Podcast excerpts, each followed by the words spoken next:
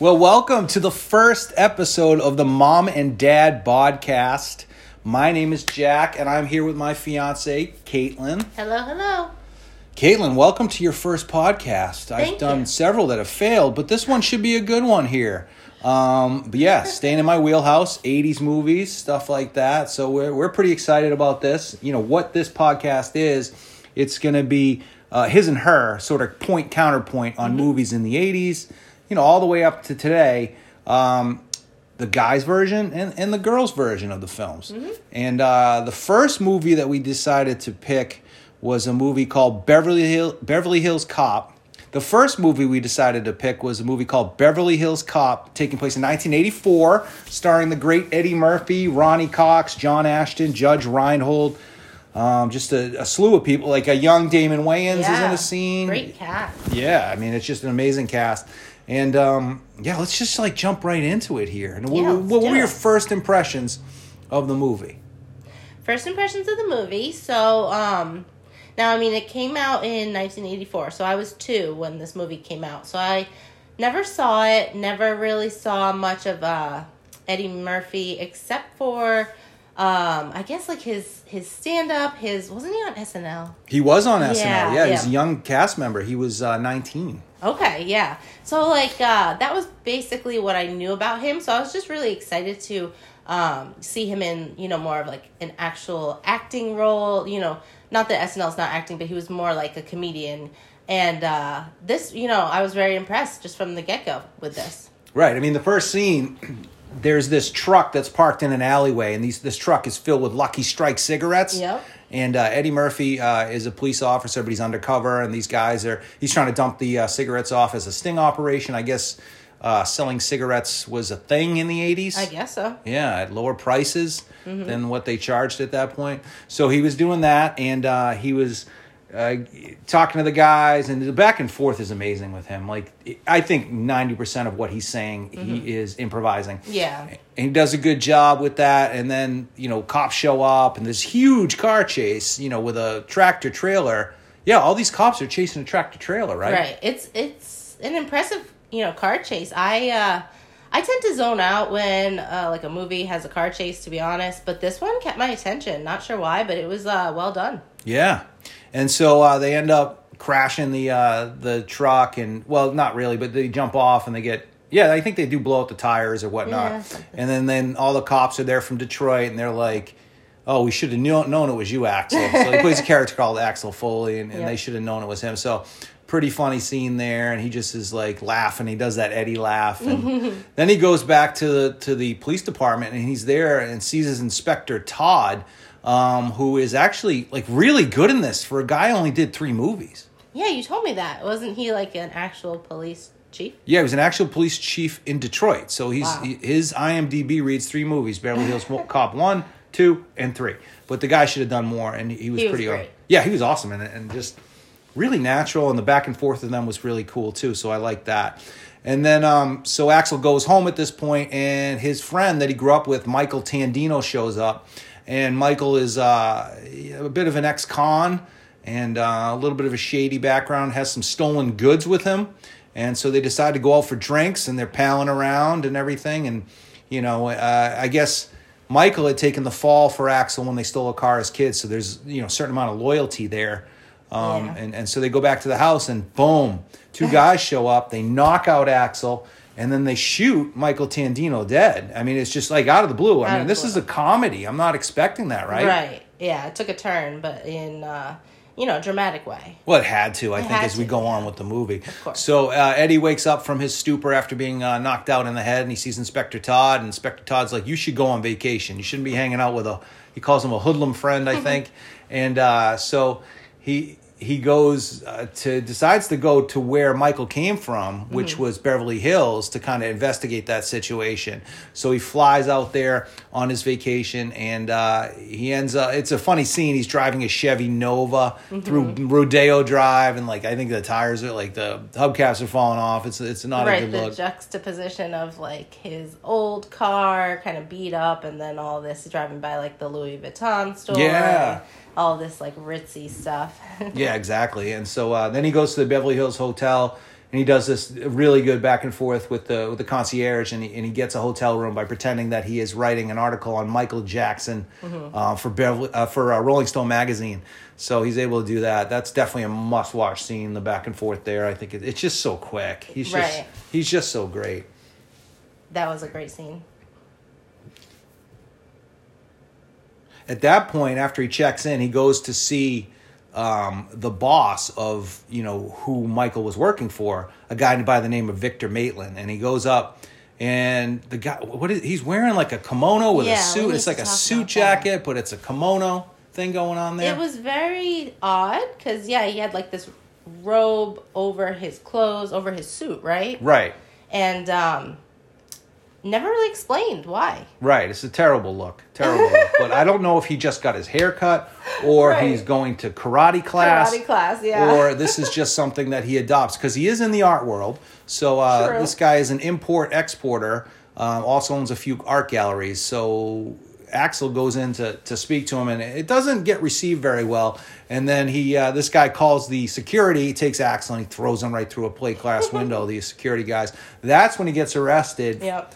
Um, for disturbing the peace or whatnot, and then a couple funny lines there about you know what what do you arrest the guy getting hit by a car, jaywalking, you know stuff like that. So he goes to the police department. That's where he meets um, Taggart and Rosewood. So that's uh, Judge Reinhold, great actor playing Rosewood, and John Ashton, great character actor. Um, he was in Gone Baby Gone. He plays a police officer in that. Probably he plays a police officer in everything, pretty much. and so he's playing Taggart. So there's a little back and forth there, and Taggart ends up punching Axel in the stomach. He does. Yeah, and there's a the, he, the chief, Chief Bogomil, comes out. There's this discussion. They're like, "Do you want to sue?" And he's like, "No, I don't want to press charges or anything like that because cops don't press charges on other cops." Right, the loyalty there. Right. So, oh, actually, speed back a little bit. They they go into the to the art gallery first to see his friend And Michael Tandino. Uh, grew up with Jenny Summers, with Axel, and all that. So they're all old Detroit friends. So he sees Jenny Summers, and this is when he bumps into Bronson Pinchot, coming about to be just blowing up when he's on Perfect Strangers. You know the guy I'm talking about, Balki. And that that scene right there is That pretty was great, funny. yeah. When it's like I think he, he's from another country, so he has an accent, and he's like talking to Axel. He's like Aquel, Aquel Foley, that whole scene. He's like, "Would you like an espresso with a lemon twist?" All that. I mean, that's pretty funny. It's good banter back and forth. Right. Good, good, good fun uh, in that scene there too. And so that's when um, him and Jenny end up like linking up again, and then they go to check out some of the. This is actually actually Jenny bails him out of pri- uh, not prison, jail or whatever when he goes to the police department. So they bail him out, and then this is when they start to investigate some of the uh, the places. Um, and they go to first the warehouse, and that's where they find something very suspicious. Was that the coffee grounds? That's right, the That's coffee ground. And explain to us why the coffee grounds are a little bit.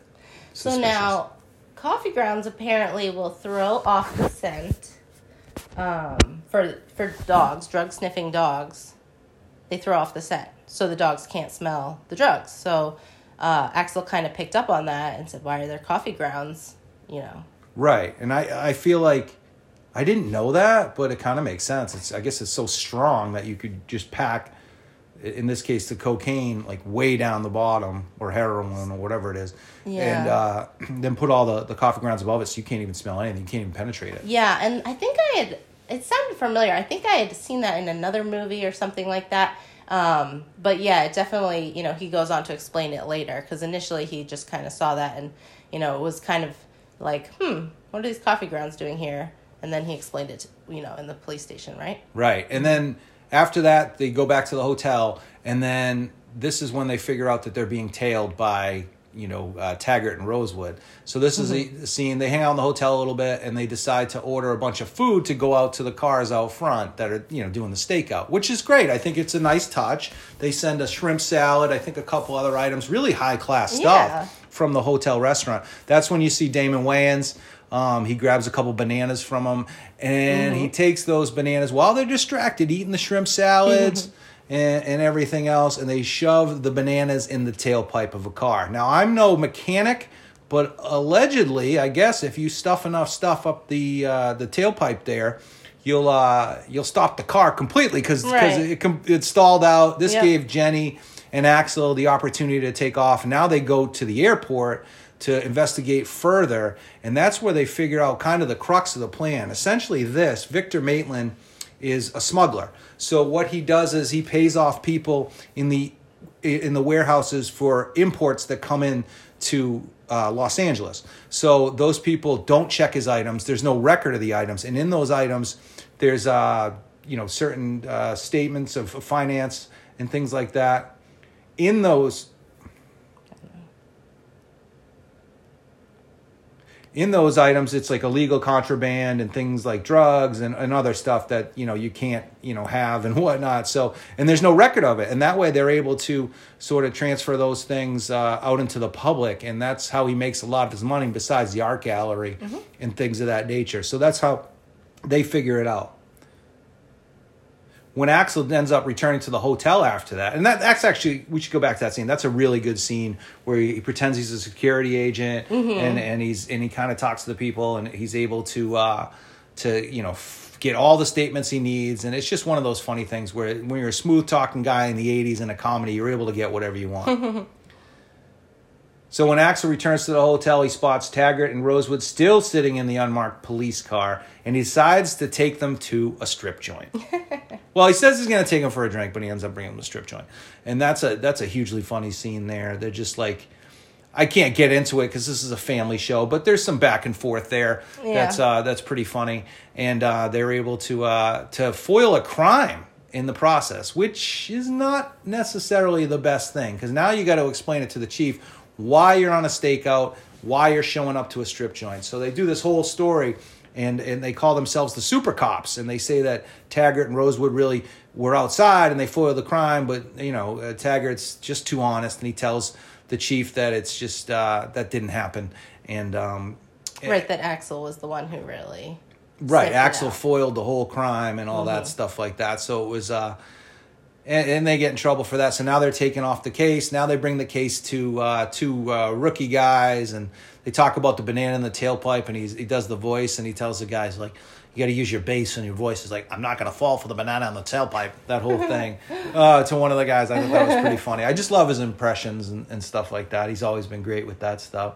So uh, at that point, now he's going after Victor Maitland again. He has the evidence he needs, but he can't really, it's all circumstantial. So he needs a little bit more. So he stakes out in front of uh, Victor Maitland's house, and then the cops are following him, the other two cops, not uh, Rosewood and Taggart. So they end up, uh, he offers them beers and stuff. He's got some mm-hmm. food for a stakeout. Right. And so then Victor Maitland finally comes out, and now he's going to follow him, but he's got to lose the cops. So he goes to a stop sign, waits for it to turn red, and then just drives right through the mm-hmm. intersection. These guys get spun out, and now he follows them to the Harrow Club, where again he has to use his street smarts to get in to the club itself. I'll let you guys watch that scene. Right, it is he makes a, up a story. Yeah, it's a pretty funny back pretty and forth there. Story there where he is able to then you know, right. bypass he and uh, basically says he has a, a virus of some mm-hmm, sort. Yeah. Um, and he wants to explain it to Victor Maitland. Mm-hmm. So the virus is, uh, I guess, off-putting for the mm-hmm. uh, the maitre d'. So they let him go right, right. in, and then a fight ensues, and Eddie throws the guy. And, and and if you watch the scene closely you're going to see a stuntman with a beard that doesn't look anything like Eddie. So definitely watch that scene. He throws him across the table. There's a huge thing. Eddie gets arrested again. And that's when the chief comes in and, and, and, and is like, you know, get this guy out of here. And, and the speech with the chief where he's like, is this the man who wrecked the buffet at the Harrow Club, did I? like that whole thing is pretty funny. And Eddie does an impersonation of him. so at this point, he tells Rosewood and Taggart to, you know, get him to the city limits, get him out of here at this point. He wants him to just, you know, I don't know. It's weird because it's like, it's almost like a Western where it's like, you got to get him to the city limits. Yeah. Or else, you know, whatever. It just seems strange that, like, he has to leave the city limits of Beverly Hills mm-hmm. at this point, but whatever. Right. And so I, I believed it. So Rosewood, you know, says, all right, I'm gonna you know drive you out of here, and that's when he says, "Hey man, let's go to this warehouse. Let's just do one last thing." And then Eddie's like, "I don't know, I don't know." And so, I mean, not Eddie. Uh, Rosewood's like, "Fine." So they go in. It's Eddie just goes in, and that's when he is, you know, caught by you know. So, uh, so actually, I want to run that back. Mm-hmm.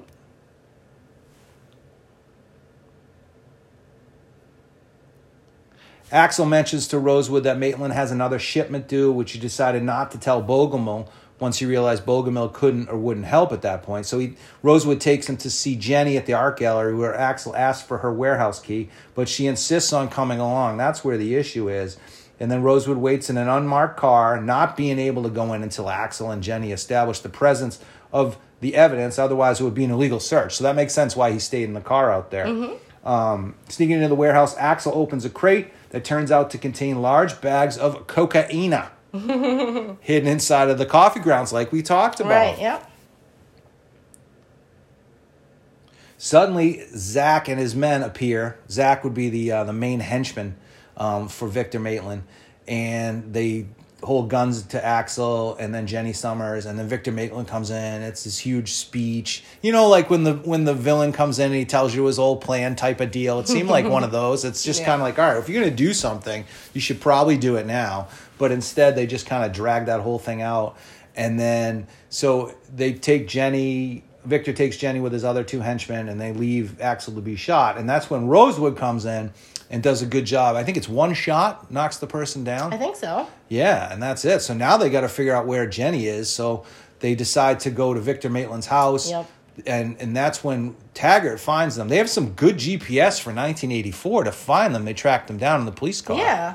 I, I wonder if that was a real thing back there. I didn't even think of that. Yeah, so they end up uh, going to Victor Maitland's house. Jenny's inside being held hostage. So they go in there and and there's this like huge shootout, but it's just a shootout, right? I mean, no Lots one, of shots fired uh, from uh, the security guards.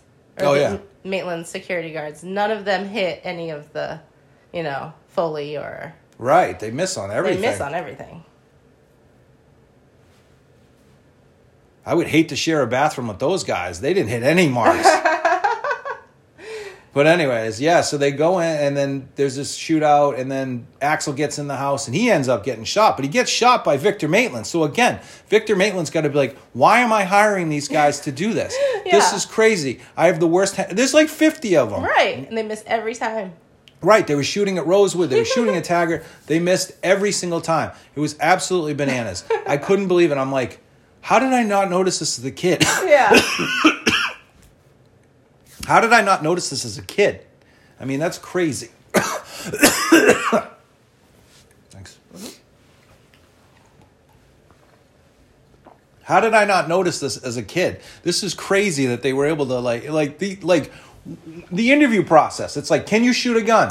no, I can't. You're hired. You're hired. That's kind of how it went down. Pretty much. Yeah, so there's a big shootout, and then um, Axel takes a bullet to the to the right arm, but he's a lefty shooter, and he ends up going in, and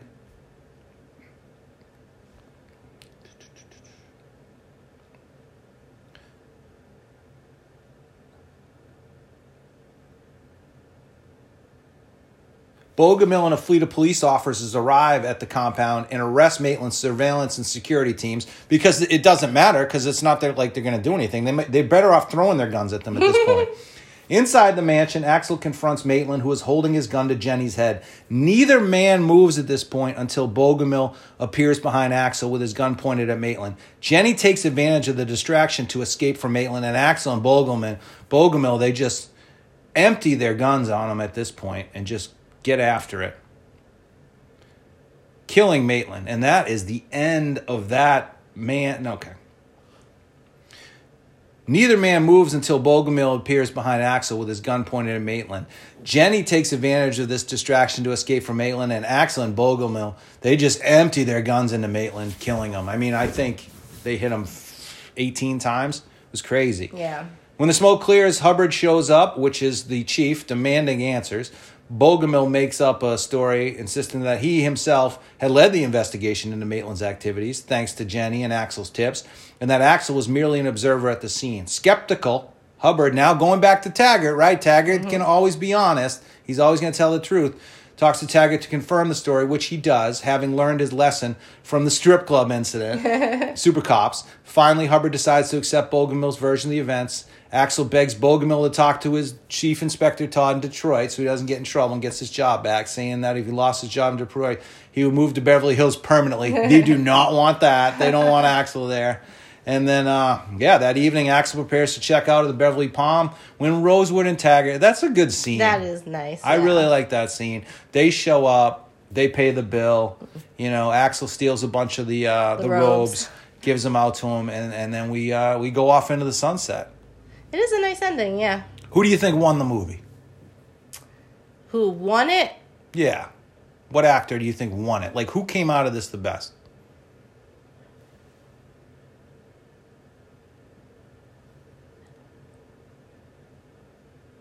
Eddie Murphy. Well, yeah. He he won the movie, but who stole the movie would be Oh, no. That wasn't the question. Okay, Who do you think won the movie? I would say Eddie Murphy. Yeah, and he came out of this as a huge star and everything. was and he was great. throughout through and through. I think who stole the movie? I would say I'm gonna go with Bronson Pinchot. Okay, that's yeah, a good one. He was good. You like Chief Inspector Todd? I do, Yeah. Yeah, you want him to, to be it. yeah, I mean, he wasn't an actor, and yet he had some really good scenes. Yeah, he was great in it too. I mean, you could say Judge Reinhold playing Yeah. Rosewood stole it. He He, had a lot of good scenes there, but I think like if you look at that, besides Eddie, who people talk about, it's the Serge character played by Bronson Pinchot, Yeah. Pinchot so which is great there. So he was the unsung hero of that movie, and I think like newcomer of the year. Damon Wayans with the bananas. No, I, I would say Judge Reinhold. It's one of his first movies after Fast Times at Ridgemont High. And I think Yeah. that that gave him like a lead credentials in, in movies to come and then he did the other two uh, sequels as well Yeah. but i mean overall i would give this out of 10 stars i would say this is an 8.8 from me Okay. I'd go with 7.6. 7.6 Yeah, okay solid. why I mean, it was um, it was definitely a quality movie. Um, great plot and just carried out well. Just you know, as far as my own personal tastes, I don't know, seven point six. It was uh, nothing wrong with it. Just also didn't totally wow me. right Yeah. no that makes sense there all right that is that the average is what i don't even know what that what's that an 8 an 8.0 maybe an 8.2 Yeah. Yeah, that's not bad. Uh, people are going to do the math and they're going to probably let me know what it is. But, anyways, we're going to be back in a couple weeks uh, with the movie Mean Girls. So, Oh, she's going to get her turn. That's my pick. That's her favorite movie of all time. so, I will watch Mean Girls, I guess. So, yeah. uh, got to. Yes, shoot us an email. Let us know what you thought of this one. Send us any suggestions as well. And, um, Our debut podcast. yeah, debut Debut episode. debut episode uh, for this one here. All right, that'll do it here. Uh, we are out of here, Caitlin. We are out. Well, thanks for listening.